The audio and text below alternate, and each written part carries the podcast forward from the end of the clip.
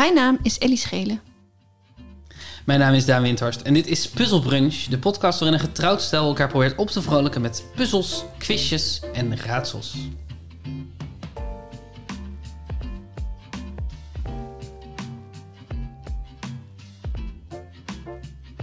Ellie, wie wil er bloed op de achterbank van de werkelijkheid? Frank Boeien. Nee, Frank vraagt zich dat alleen maar af. Frank wil geen bloed op de achterbank van de werkelijkheid. Wil Pontus Pilatus dat? Wil Pon, Pon- Pontius Pilatus bloed op de achterbank van de werkelijkheid? Ik weet het niet.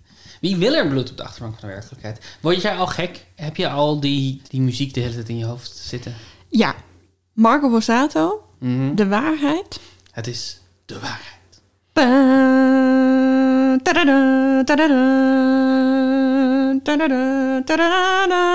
Ja, dat zit de hele tijd in mijn hoofd.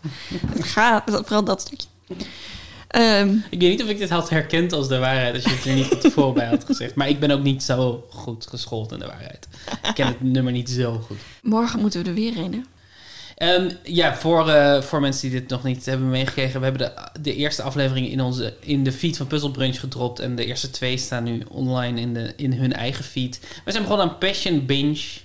Een atheïstische ode aan de vreemdste televisietraditie van de 21ste eeuw. Het is een nieuwe podcast van ons samen met steeds een andere gast. Waarin eh, we het lumineuze idee hebben gekregen om alle Passion-edities na elkaar te bingen. Ja, in een soort voorbereiding op, op Pasen dit jaar de, helemaal ingelezen te zijn. Om, om, eh, om precies om helemaal voorbereid te zijn op de nieuwe Passion. Ja.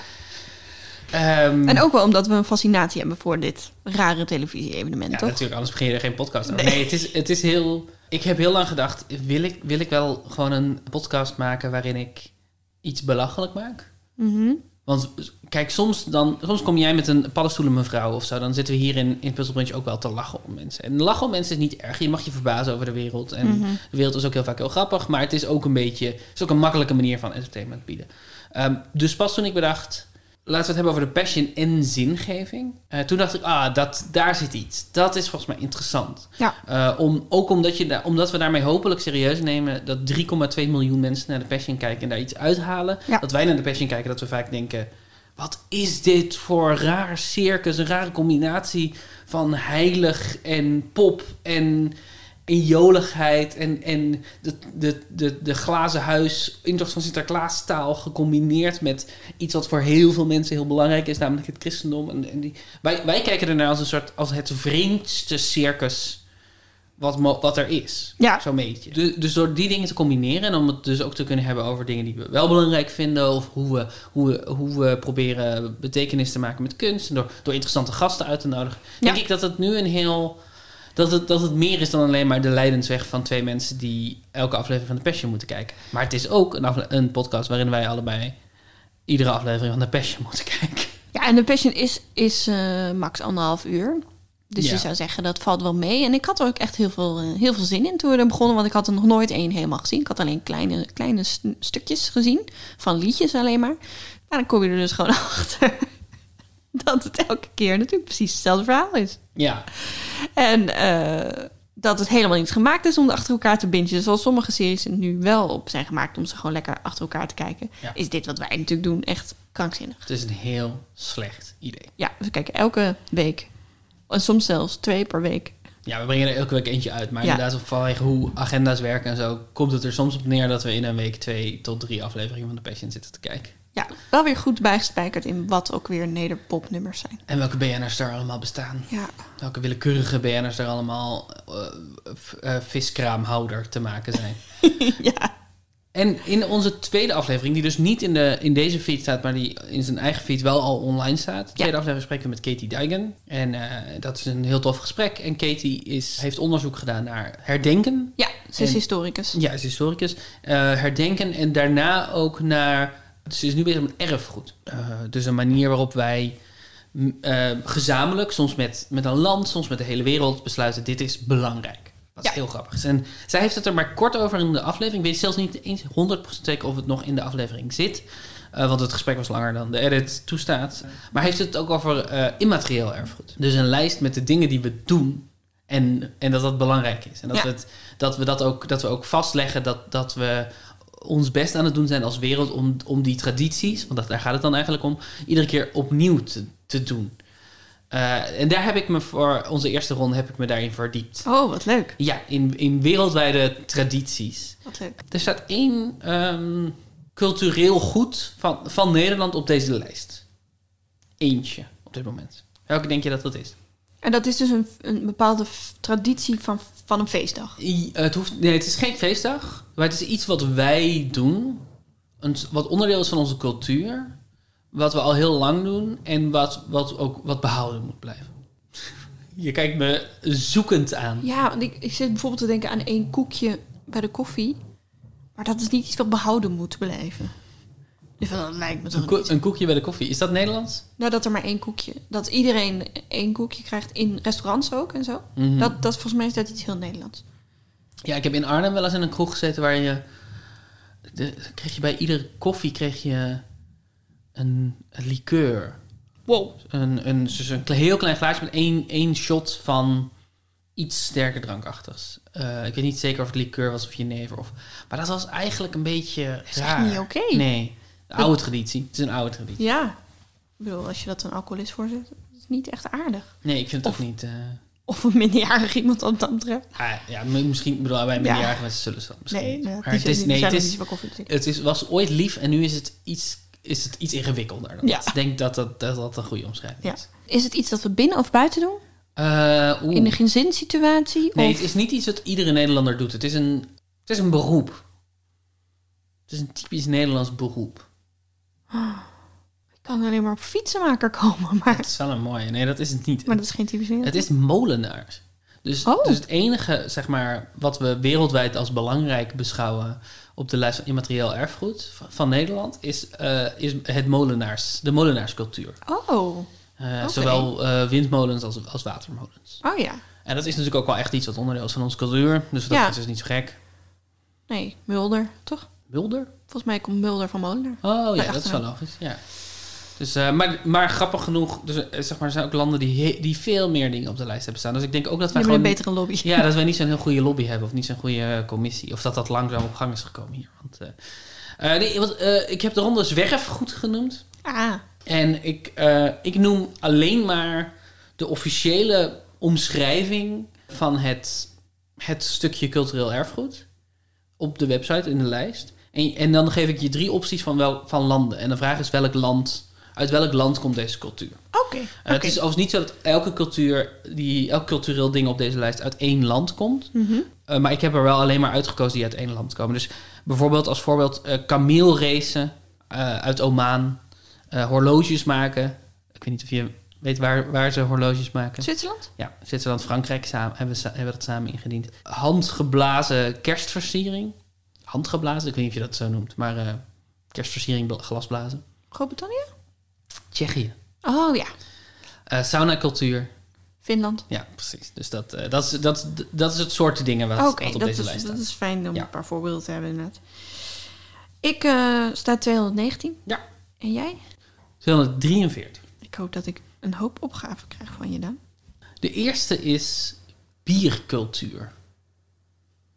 Is dat iets wat traditioneel hoort bij A. België, B. Ierland of C. Rusland? Ehm, op zich alle drie. Mhm. Nou, niet Rusland.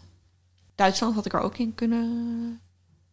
Had ik er ook bij bedacht. Mhm. Had ik al bij bedacht voordat je het zei. Dus ik ga twijfelen tussen België en Ierland. Ja, toch België. Dat is goed. Yes. Ja, ja. het speelt een, eh, een rol in het dagelijks leven in België, maar ook op feestdagen. Eh, bijna 1500 typen bier worden gemaakt in het land met verschillende fermentatiemethodes. Eh, Trappist wordt genoemd in het tekstje erbij.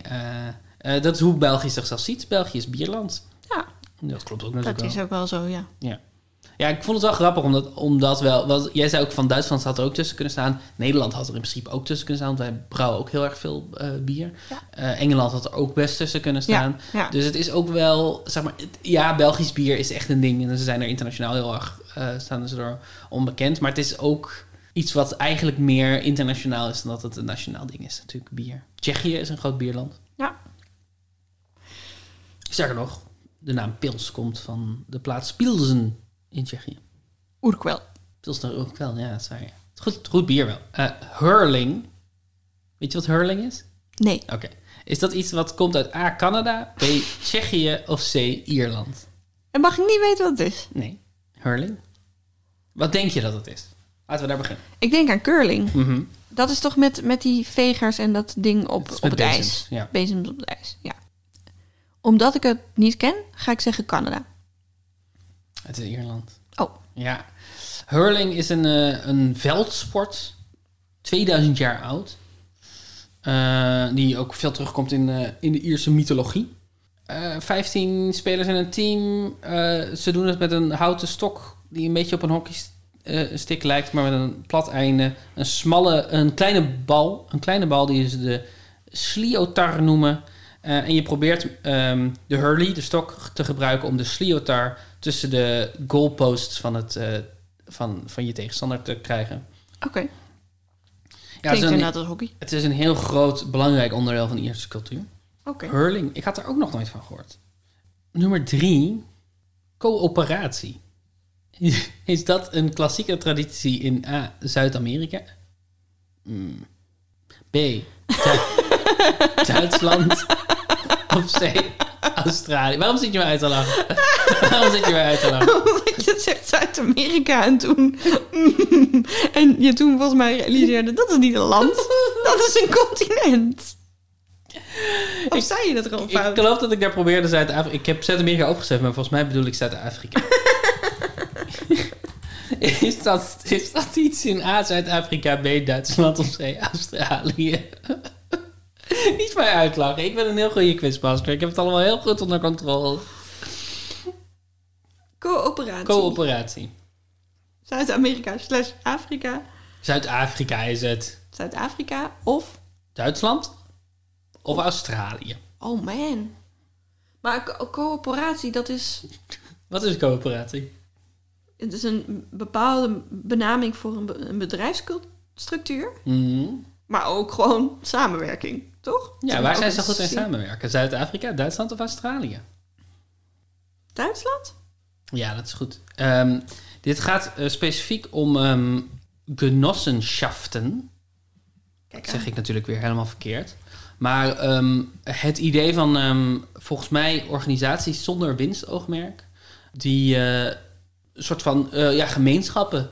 Zijn- Verenigingen. ja, coöperaties. Dus het zijn, eh, en verenigingen van bijvoorbeeld be- beroepsgroepen. Of er zijn bijvoorbeeld ook, eh, volgens mij is dat waar de in het Nederlands de naam coop voor een supermarkt vandaan komt. Het, het idee dat, dat verschillende mensen samen eigenaar zijn van een supermarkt. En er dan Hmm. allemaal, nee, dat, soort, dat soort dingen. ehm, Typisch Duits. ja, het leidt tot. ehm, nou, het is, dus, het is heel groot in Duitsland. Oké. 90% van bijvoorbeeld bakkers en slagers zitten bij een coöperatie. Hm. 75% van eh, winkelhouders zitten bij een coöperatie. Het is ehm, een manier voor studenten om ervaring op te bouwen. Het is ehm, een manier om gezamenlijk op kleine schaal eh, levensstandaarden te vergroten. Het is een eh, manier om duurbare energieprojecten snel op te zetten. Dat soort dingen. Duurzame. Ja, wat zei ik? Duurbare. Duurbare energie. Ja, die energie is gewoon duurbaar. Dat is duurbare energie. Het is belangrijk om zonnepanelen te nemen voor op je dak, want dat is duurbaar. Mijn naam is Daan Windhorst en ik raad je aan om duurbare energie te kopen en erin te investeren. Vind- het is toch wel typisch Duits, of vind je, ben, jij niet, eh, ben je niet zo mee hiermee? Ja, misschien is het wel typisch Duits, ja. Maar ik zou, je zou ook kunnen zeggen dat weet je, het verenigingsleven is ook typisch Limburgs en typisch Fries. Ja, maar dingen die typisch Limburg zijn, zijn vaak eigenlijk typisch Duits. Fair enough. Sorry Limburg. Ehm, als vierde, doedelzakken. Is dat A, Turkije, B, Slowakije of C, Frankrijk?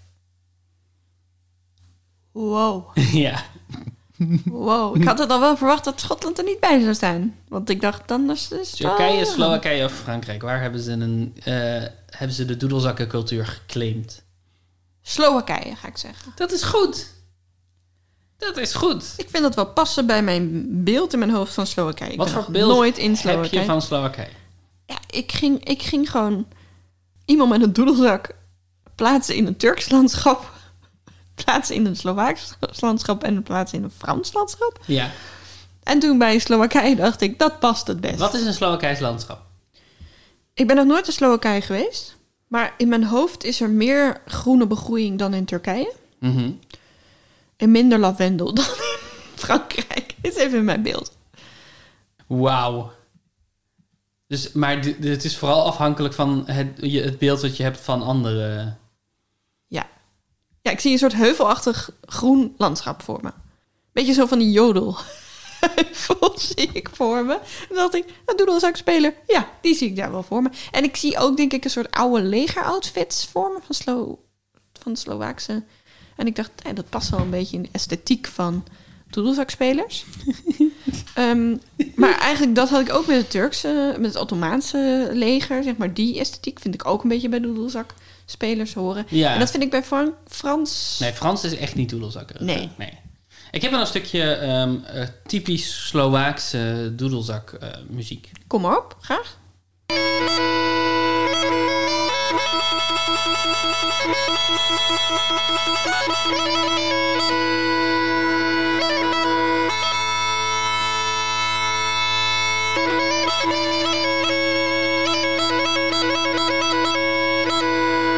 Ja, het klinkt toch nog best wel Schots.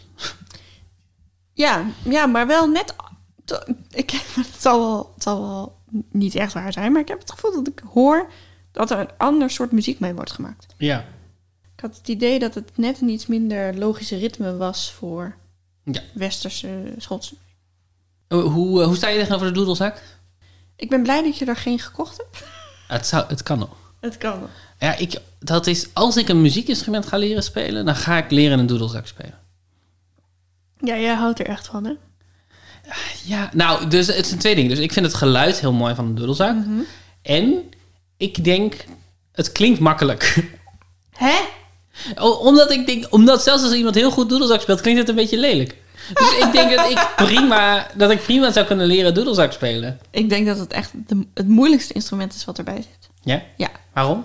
omdat je en met je mond iets moet doen, en met je vingers piano moet spelen, en met je elleboog die Piano, zak. piano moet spelen? Toch? Nu heb je wel, nu zie je wel echt Even, en ik bedoel, een fluit. een, een multi-instrumentalist. Die, ik, mijn plan was niet om en, en doedelzak en piano te spelen. nee, maar je moet... Het is een fluit, ja, het is Het een is een fluit, fluit, toch? Ja. Even kijken naar een ding. Ik wil niet heel dom klinken in deze podcast. Nee, inderdaad. Dus je moet... Met beide vingers moet je gaatjes van een fluit induwen. Mm. Je moet met je elleboog moet je die zak soort van Ja. blijven induwen. En je moet hem met je mond ding doen. ja, je moet hem weer, de, de zak weer vullen, volgens mij. Ja, het is... ehm, gelukkig heb ik een heel goede motoriek. Ja, precies. nou, precies. Nou. Eh, nee, maar ik vind het geluid wel mooi op zich. Alleen, ehm, ik, ik denk wel dat als ik in Edinburgh zou, zou wonen... Ja. Eh, waar constant die, die spelers Mhm. op elke straathoek staat al een... dat ik er dan misschien wel gek van zou worden. Zeker als je er langs loopt, is het echt best wel hard. Als de, als de, de koningin in... ehm, eh, de Britse koningin in, in Balmoral is haar, haar Schotse paleis... dan wordt ze iedere dag wakker gemaakt door doedelzakspelers. Oh, En zij heeft als eis gesteld dat die doedelzakspelers nooit twee keer hetzelfde nummer mogen spelen. Dus die moeten iedere dag iets anders spelen. Holy kijk Dus die instrumentalisten hebben een, een die muzikanten hebben een, een enorm eh, arsenaal aan. eh. Maar die zullen vast wel eens een keer... ik gok dat ze in één, in één zomer, want ze gaat er in de zomer naartoe, toch? Oké. Meestal naar het Schotse. jij zou weet kunnen. het, jij hebt de Queen gekeken. De Maar- Crown. De, de Crown gekeken. Ehm, ze gaat daar volgens mij in de zomer. of Ik denk dat ze in één zomer zichzelf niet ja, ja. oké, gelukkig. Ik dacht al. Maar volgens al zo lang koningin. De, Oh me- de meeste doedelzakspelers doen vooral da da da da da da da da da da da da da da da da da da da en nog twee klassieke Schotse nummers, dan ben je er wel. Maar deze mensen moeten echt, ah, moeten echt alles kunnen spelen. Ik, zou, ik hou dus denk ik best wel van het geluid van de doedelzak. Mhm. Maar ik zou denk ik niet wakker gemaakt willen worden door een doedelzak. Nee. Nee, nee, nee, nee. Want ik werd wel eens wakker gemaakt door zo'n draaimolen in de straat. Oh ja, Dat is ook echt naar wakker worden, draai hoor. orgel, ja. Draaiorgel, ja. Ja, ja dat, is, dat is heftig. Ik zei draaimolen, Je zet rijmolen, dat is ook prima. Dat is ongeveer hetzelfde Nederlands. geluid wel. Draaimolenaar. Draaimolenaar. Oké, we gaan even door. Ja. Ehm, nummer 5, dolma's. Weet je wat dolma's? Jazeker, dat zijn die eh, wijnbladeren gevuld met eh, rijst en andere dingen. Eh, komen die uit, klassiek gezien, volgens eh, de UNESCO uit A. Monaco, B. Chili of C. Azerbeidzjan? Oeh. Ik denk niet Chili. Mhm. Dus ik denk Azerbeidzjan of Monaco. Monaco. Ik ga zeggen Azerbeidzjan. Dat is goed. Yes. Ja, en zij... zij ehm, Hoofdstad Baku. Sorry, wat? De hoofdstad van Azerbeidzjan is Baku, volgens mij. Dat is zo een van die weinige Wauw, die, kende ik aardige, aardrijkskundige eh, li- lijstjes. Waar, weet je wel? Skopje, Ja, ja. onthoud je. En dus Baku. Eh, ze hebben het niet per se eh, over ehm, wijnbladeren. Hoewel, wel, ze hebben het wel over bladeren. Maar ook bijvoorbeeld gevulde paprika of gevuld fruit. Oh, ja. gevulde groente of fruit. Met vlees, ui, rijst, erwten, eh, kruiden. Eh, en het komt van het eh, Turkse woord doldurma, wat eh, gevuld betekent. Hmm. En het feit dat het uit een Turks woord van een Turks woord komt en dat ik het ook ken als een Turks iets, doet me vermoeden dat het eigenlijk Turkse cultuur is. Maar Azerbeidzjan is ervan overtuigd dat dat Azerbeidjaanse cultuur is. Nou weet ik wel dat de nazistaat niet per se een goede manier is om te ontdekken wat waar vandaan komt. Maar ik vond het wel grappig. Dat, dat, Ja, ik, ik koppel het inderdaad ook aan, aan Turkije en een beetje aan Griekenland. En eh, ik, ik had een, een Koerdisch taalmaatje. En die at het ook graag, maakte het ook graag. Mhm. En eh, ik leerde haar het woord meeuwen voor de, de vogels in Ja. Nederland.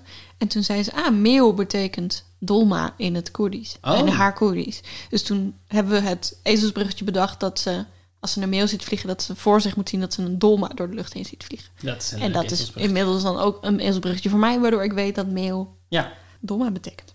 volgens Azerbeidzjan is, of volgens UNESCO eigenlijk, is, Azerbe- is in Azerbeidzjan eh, dolma's maken ook een eh, belangrijk onderdeel van hun cultuur. En niet alleen eh, het maken ervan, maar weer aan de volgende generaties iedere keer overbrengen van hoe je het doet, het maken van die dolma's. Wij hebben het ook wel eens gemaakt. We hebben het ook wel eens gemaakt. Ja, het is niet zo heel moeilijk. Nou, maar dat vouwen was wel, dat ja, was dat wel een dingetje. Want dan krijg je zo'n hele pot met allemaal die bladeren. Die moet je er dan uithalen zonder ze te scheuren. En daarna moet je ze nog oprollen en een beetje vastplakken. Ook weer zonder ze te scheuren. Was niet per se makkelijk. Nee, ik- het is heel oneerlijk dat ik zei helemaal niet zo moeilijk, want ik heb dat helemaal niet gedaan. Jij, jij hebt dat die gedaan vulling met, gemaakt. ja, ik heb die vulling gemaakt en jij hebt het gedaan met mijn vader. Dat was wel leuk Ja, keer. jullie hebben ook heel veel gemaakt, want dat was voor het 25-jarig huwelijksfeest van mijn ouders. Waar Ja. voor kookten. Ik heb ze dus heel lang, ik heb dolma's heel lang niet gegeten, omdat ik ze er vies uit vond zien. Ja. Als kind vond ik ze. Maar, maar het heeft echt geduurd tot ik 22 was. Ik denk dat jij erbij was toen ik mijn eerste dolma had. Hm. Omdat ik gewoon, omdat ik echt dat, kijk nou hoe dat eruit ziet, dat wil ik niet hoor. Maar ze zijn echt heel lekker. Ze zijn heel lekker. Maar ik, ze, ze zijn pas heel laat in mijn leven gekomen. Mijn ouders hadden nooit dolma's thuis of zo. Ja, mijn ouders hadden ze soms bij de Turkse winkel Oh ja. Oh ja, nee. aan de eh, Bosstraat. Ik denk dat ik misschien ook wel met jou was toen ik mijn eerste dolma had. Nee, maar stom hè, dat je dan dat je denkt, oké, ik ben 23. Ik, ik weet inmiddels dat dingen die er soms vies uitzien, lekker zijn. Ik hoor van iedereen dat dit lekker is. En dat je dan toch, als ze op tafel komen, dat je dat, dat bordje iets uit en dat je denkt, nee, nee, eet nog wel een nootje. Ja. Ik vind dat zo stom. Ik heb zulke nog soort van primitieve, kinderlijke reacties op dingen soms. Ja, terwijl ik kan me dat wel voorstellen bij de rare vleeswaren of zo. Of weet je, orgaanvlees en zo. Maar een dolma is gewoon vegan. Dus je Ja. weet ook, er gaan niet hele rare dingen in zitten Ja. waarschijnlijk. Klopt. Nou, zullen er ook wel hele rare vegan dingen zijn. Ja, dat is waar. Ja, je hebt wel vegan kaas en zo die ik echt niet te eten vind. Dat je echt denkt, wat de fuck, wat hebben ze hierin gestopt? Het gaat snel met de ontwikkeling van Ja. vegan producten, dus het wordt snel beter. Ja. Oké, eh, de zesde, de ene laatste in deze categorie. Mhm. Koeienbellen. Weet je wat koeienbellen zijn? Ja. Oké. Daar wil je verder niks over zeggen.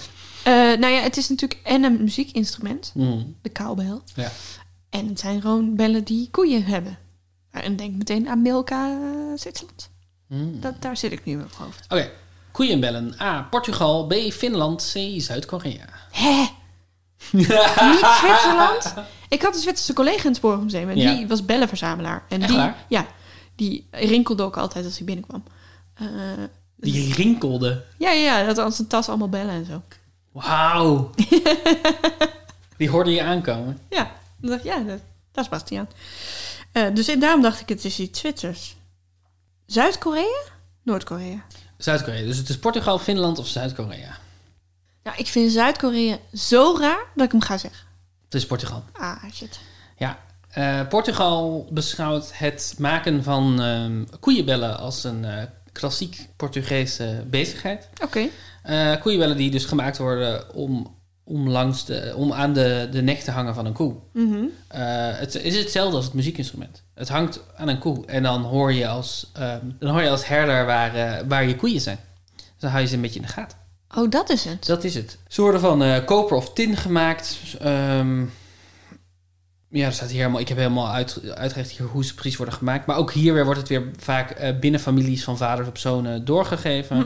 Maar eh, op dit moment wordt dat steeds minder gedaan, omdat er steeds minder herders zijn.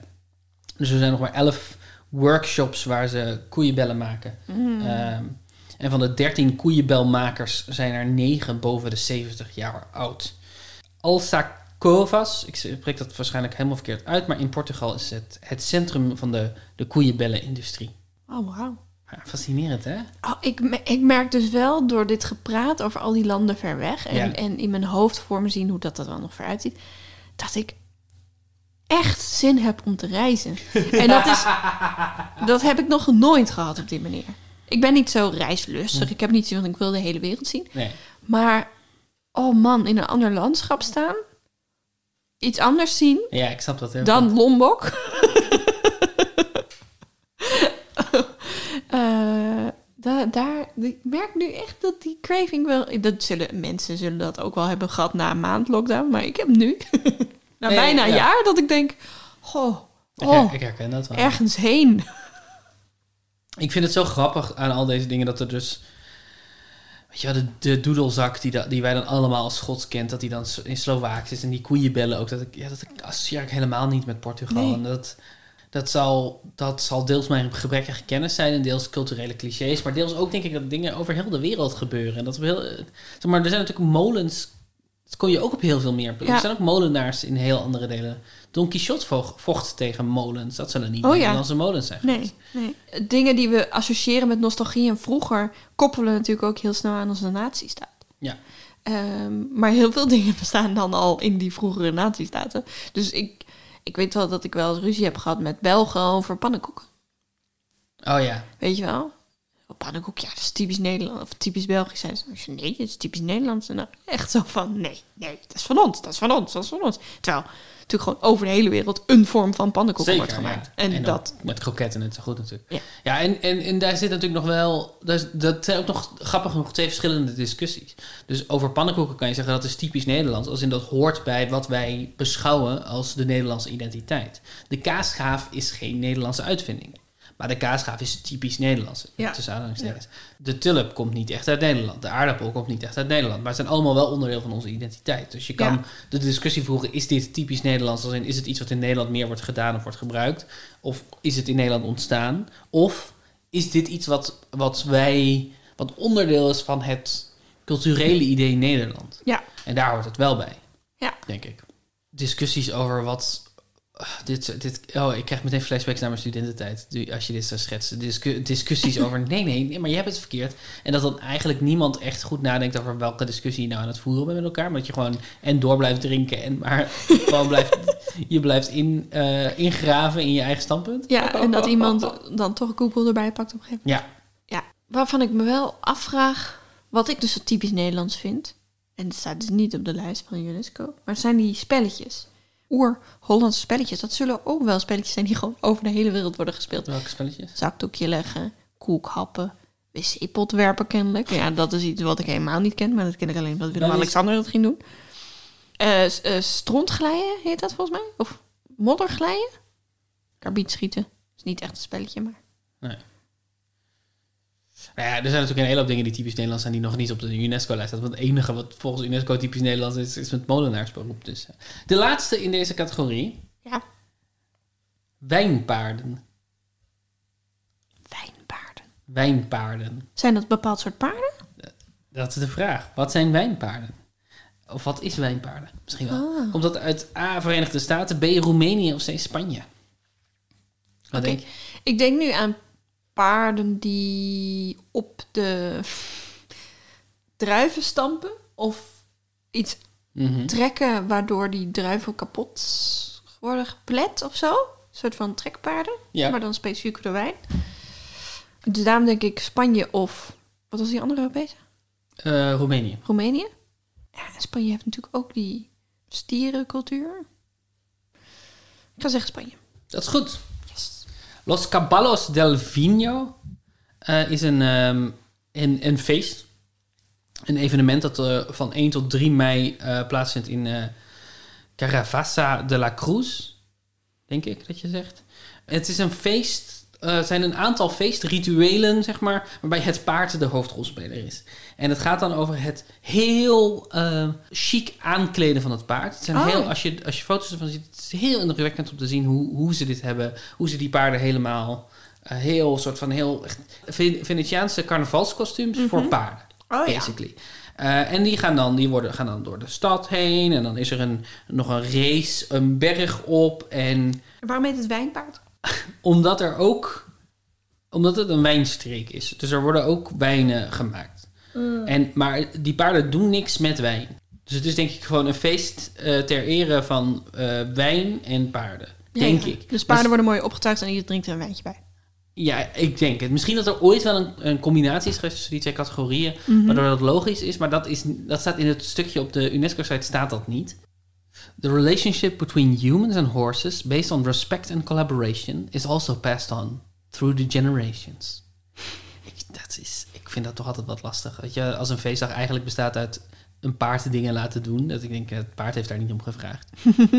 dus ik weet niet of dat echt respect en samenwerking is. Het is toch gewoon een paard dwingen om iets te doen. Ja, Wat het paard waarschijnlijk niet zo heel erg vindt, want die paarden worden natuurlijk in getraind om dat allemaal niet zo heel erg te vinden. Maar het is niet of, het- of het nou echt samenwerking is. ja. Het doet me denken aan, een, eh, aan de serie die we op Netflix laatst hebben gekeken. We Are The Champions. Ja. Dat is echt een tip. Ja, En we hoorden laatst van iemand, een luisteraar, dat ze het leuk vinden om tips te krijgen om te kijken.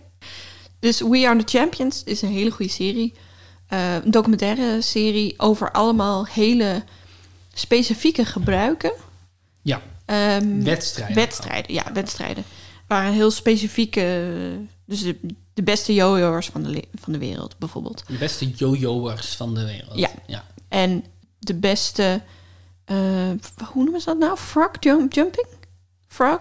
Frog jumping, ja, kikker, kikkersprongen. Grote, eh, Ja. de, de, de grootste sprongen van kikkers. Ja, teams die eh, bepaalde kikkers, bullfrog kikkers, uit de sloot halen en daarmee gaan trainen. En wie er dan het verst springt, de kikker, die heeft gewonnen. Ja, Dat soort dingen. er is dansen met honden. Dansen er met is honden, ja. eh, een race achter een rollende kaas aan of Ja, een berg Dat is de eerste aflevering, die is absoluut het beste. Ja. Dat is echt te gek. Het is een, een Engels dorpje waar hele steile heuvel is.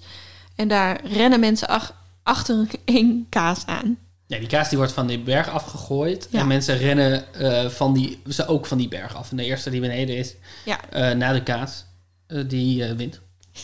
Het is heel dom. Het is heel, dom. Helemaal mensen die breken allemaal benen en eh, armen uit de kom en zo. Maar vinden het allemaal leuk om te doen.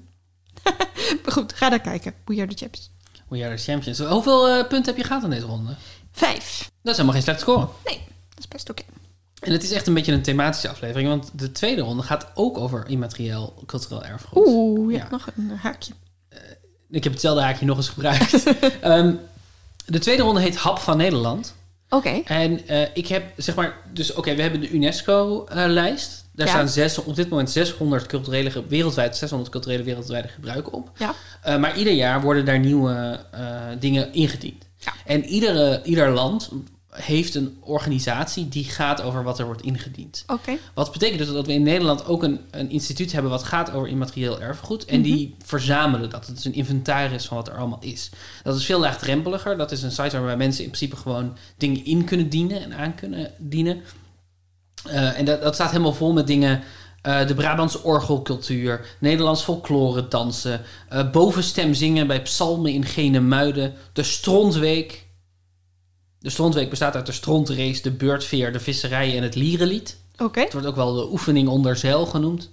En ook een aantal ehm, culinaire Nederlandse tradities. Oké. En wat leuk is aan deze site is dat niet alleen worden ze, wordt er een inventaris gemaakt van wat er de tradities zijn, maar er is ook een definitie van de tradities. Hmm. Eh, dus ik heb eh, de definities van zes tradities gepakt. Ja. Ik, ik heb een beetje een spannende vorm. Ik, eh, ik wil jou vragen om drie dingen te noemen die in die definities staan. En dat kunnen ingrediënten zijn. Dat kan zijn eh, hoe je het maakt, hoe je het eet, hoe het wordt gedistribueerd. Eh, dingen die te maken hebben, die, die essentieel onderdeel zijn van de cultuur van dat ding. Oké. Dus jij noemt het de traditie. Ik noem de traditie. En ik moet dingen raden die in die die in definitie die, ja, staan. die in die definitie staan, die in die omschrijving staan. En als je er drie noemt, krijg je een punt. Jeetje, zoveel. Nou, Het is denk ik goed te doen, Oké. denk ik. De eerste is bijvoorbeeld pannenkoeken. Ah, Wat is er te zeggen over pannenkoeken? dat het met meel is. Dat is, dat is er één, zeker. Dat, het, dat, je het moet, dat je het in een koek- koekenban bakt. Ja, een goed eh, verhitte ijzeren pan. Ja. En dat je het flipt. Halverwege het bakken wordt de pannenkoek gekeerd. Ja, dat is helemaal goed. Ja, eieren, zout en melk. Ehm, eh, de pan wordt ingevet met reuzel, roomboter of olie. Dat is ook een onderdeel van de Ah, definitie. ja. Hou je van pannenkoeken? Eigenlijk niet, maar ik had laatst opeens een craving. Ja, toen wilde je pannenkoeken met spek eten. Ja, Maar we ik eten eet geen vlees. spek. We eten ook geen pannenkoeken. Maar opeens dacht ik, oh, die smaak. En hoe zit het nu met die craving? Is die weer een beetje weg? Of, Hij is eh? al een beetje weg, ja. Maar die spek craving is, is nog wel. Ik kan wel wat, eh, wat gerookt paprika poeder op een blok tofu eh, flikkeren voor je. Oh god, dat klinkt zo treurig. Oké, we gaan door. De tweede is de eierbal. Oh, oké. Ja, Nederlands immaterieel erfgoed volgens de inventaris. In de, in de reeks folklore, dansen, bovenstem zingen en strontrace staat ook eierbal. Een gekookt ei. Ja, een afgekoeld hardgekookt ei. Met ragout eromheen. Mm, eh, ga maar even door. Kijk of je, of je twee andere dingen kan doen, want dan hoef ik deze niet fout te rekenen. Gefrituurd. Ge- eh, ja, gefrituurd op een temperatuur van tussen de 180 en 185 graden. Eh, een korst van paneermeel, of hoe noem je het? Korst van paneermeel, ja. Mhm. Nog andere dingen noemen? Vleesragout? Nee, dat is dus volgens deze definitie niet. Daar hadden we laatst een discussie over. Of Ja. de eierbal vegetarisch is of niet. Volgens deze definitie is die vegetarisch. Oké. Gevormd met de hand? Nee. Eh, een, een ragout? Een roe? Een roe, ja. Dat is, nou, ik denk, nu heb je zeker genoeg dingen genoemd. Ja, het ding is dus, eh, zij noemen het niet een ragout. Zij noemen het een laagje deeg. Bestaande uit meel, bouillon, boter, eiwit en paneermeel. Dus, zij, eh, dus jij, jij eh, eh, definieert de eierbal eigenlijk als drie dingen. Namelijk een ei, ragout en dan korst. Korst, ja. En zij zeggen nee, het is een ei in een deeg. Bestaande uit meel, bouillon, boter, eiwit en paneermeel. Oké. Over de ingrediënten van de Groninger eierbal bestaan meerdere meningen. Zoals het al dan niet gebruiken van curry. Mhm. Kies jij kant in die discussie? Ik weet dat dat soms gedaan wordt, maar ik associeer dat niet per se met de eierbal. Ehm, Curry. Ze worden uit de hand gegeten of als maaltijdcomponent. Eh, vrijwel altijd in gezelschap als uitgaanssnack. Het vergelijken en becommentariëren van de Groninger eierbal hoort voor vele Groningers eveneens bij de eierbal, hoewel een Groninger zich niet snel een kenner of deskundige zal noemen. dat vond ik ook mooi. Oh, dat is ook mooi. Eh, dan het worstenbroodje. Ah, Brabants. Is dat een Brabantse traditie of niet? Ja, is dat al een punt? Of Mhm. een, een van de dingen? Brabants? Een begrip in Noord-Brabant, eh, verbonden met de identiteit. Ja. Een sausijsje. Gekruid sausijsje. Eh, met deeg eromheen. Ja, eh, rolletje gekruid, gehakt, omwingeld met wit brood tegen. Dat, het is Ah, officieel geen sausijs volgens mij, maar Oh, ja. de sausijs heeft wel een, heeft een Velletje. Vel, ja, Oh ja. dacht ik. Bij ontbijt of als een tussendoortje gegeten. Uit de hand gegeten. Het, dat is natuurlijk wel zo, maar eh, het staat er, het staat niet, ontbijt staat er niet en uit de hand staat er ook niet. Maar er Staat wel iets over in welke context het gegeten wordt. Bij carnaval. Het wordt gegeten bij speciale gelegenheden, Ah, zoals de kerstnacht. Eh, dan heb je er drie, hè? Ja, dan heb je er drie. Eh, onderdeel van de traditie is ook de manier waarop het worstbroodje gegeten wordt. Het gezellige samen zijn met vrienden of familie. Dat is ook een belangrijk onderdeel. Jongens. Oké. Nou ja, een, geze- een gezellig worstenbroodje eten met elkaar. Is een ding. Ja, het is niet een broodje papa. Oh ja, dus niet wat je alleen eet. Nee. Ah, Eh, en eh, nou ja, er worden jaarlijks zo'n 25 miljoen worstenbroodjes geconsumeerd. Dus de traditie is nog springlevend. Snert. Snert. Snert. Eh erwtensoep. Erwten. Gemaakt van erwten. Gemaakt van erwten, ja. Eh, met vlees. Mm, ja. Eh, met, bij koud weer. Koud weer staat er niet tussen. Winter. Eh, Schaatsen. nee, Koek en sopie. staat, nee. Het is echt een soort slimste wens. Ik moet er nog één, toch? Ja. Rookworst? Worst, ja, worst. Oké.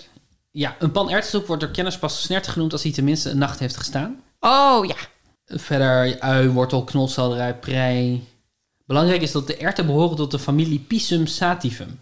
Oh. Indien de snert te dun is uitgevallen, kan er een aardappel aan toegevoegd worden om de soep extra te binden.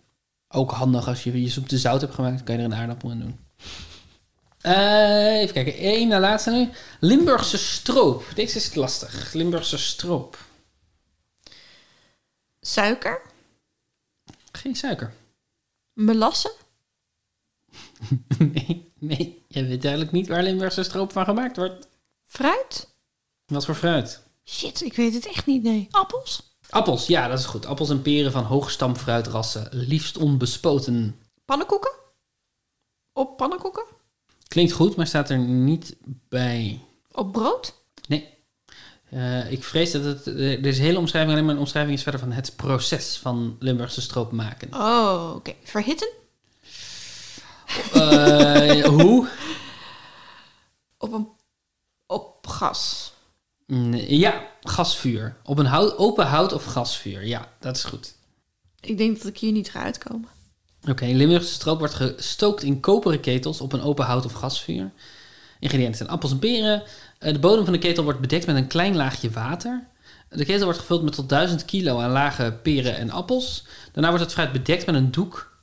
Door de stoom in de ketel verandert de structuur van de vruchten, barsten de schillen open. Eh, tijdens de- dit proces moet de stoker het vuur continu controleren, zo nodig bewerken. Eh, de fruitmoes wordt in een houten pers gelegd. Het geperste sap wordt gefilterd, nogmaals gekookt. Eh, en zo wordt het ingedikt. Wanneer de stroop de juiste dikte heeft, doet de stoker hem meteen in potten. De stroop krijgt door narijping een intensere smaak. Er zijn nog vier stroopstokers in Zuid-Limburg die zich verenigd hebben in het Slow Food Presidium Limburgse Stroop. Oh, wauw. Ik had hier echt nog nooit van gehoord. Ik ook niet. Maar het is onderdeel van onze cultuur, Ellie. Klinkt wel lekker. Ja, Klinkt wel alsof er iets lekkers uit goede appelstrap. Ja. Als laatste, Ja. kroketten. Oké. Vleesragout. Roe met vlees. Ja, een, eh, de basis, het is technisch gezien geen roe, volgens deze omschrijving. Zit er boter in en meel. Ja, boter en meel. Ja, dus je krijgt hem hoor, deze. Maar Oké. een eh salpicon is een ragout, maar dan dikker. Eh bestaande uit bouillon die met een roe gebonden is. Eh, ja, ja, dus het is wel een roe ook, maar Ja. er, er staat salpicon. De basis van de salpicon is boter en bloem gegaard in een pan... waarna zelfgetrokken bouillon wordt toegevoegd... en daarna de overige handgesneden smaakmakers, dus vlees of vis of groente. Eh, met paneermeel gepaneerd Ja, en Nou. gefrituurd. ja gefrituurd staat er niet bij. Is wel zo natuurlijk. Door het hele land gegeten. Uit de muur. Met mosterd. Ja, ik, dit is gewoon, ik heb denk ik, zeg maar, het is, ik heb gewoon net een, een te klein stukje van de tekst gekopieerd, want dat Oh. moet er ergens bij staan. Maar eh, als laatste staat hier nog bij, hij is op kleine schaal gemaakt op een kookfornuis, eh, waarbij het pro- eh, productieproces handgeroerd plaatsvindt. Als ook het rollen van de kroket gebeurt met de hand. Belangrijk. Oké, dus dat is wel erfgoed, maar gewoon van Dobben niet. Want dat is maar machinaal. I guess, dit is natuurlijk allemaal lobbyen van, Ja, ja, van de ja. kleine krokettenindustrie. Ja. Eh dus, maar geef jezelf absoluut een punt, want je hebt gewoon... Yes. Hoe heb je het gedaan deze aflevering? Weer vijf punten, dus ik heb in totaal tien punten. Jeetje, Ellie. En niet alleen dat, je hebt mij ook een opgave meegegeven vorige week. Ja. En dat was best een eh, ingewikkelde. Volgens mij is dat mijn zelf. tekst, toch? Vond ik zelf. Ik heb even mijn best gedaan. Wat hebben de volgende zinsneden met elkaar te maken? Het is avond in Siberië en nergens is een leeuw.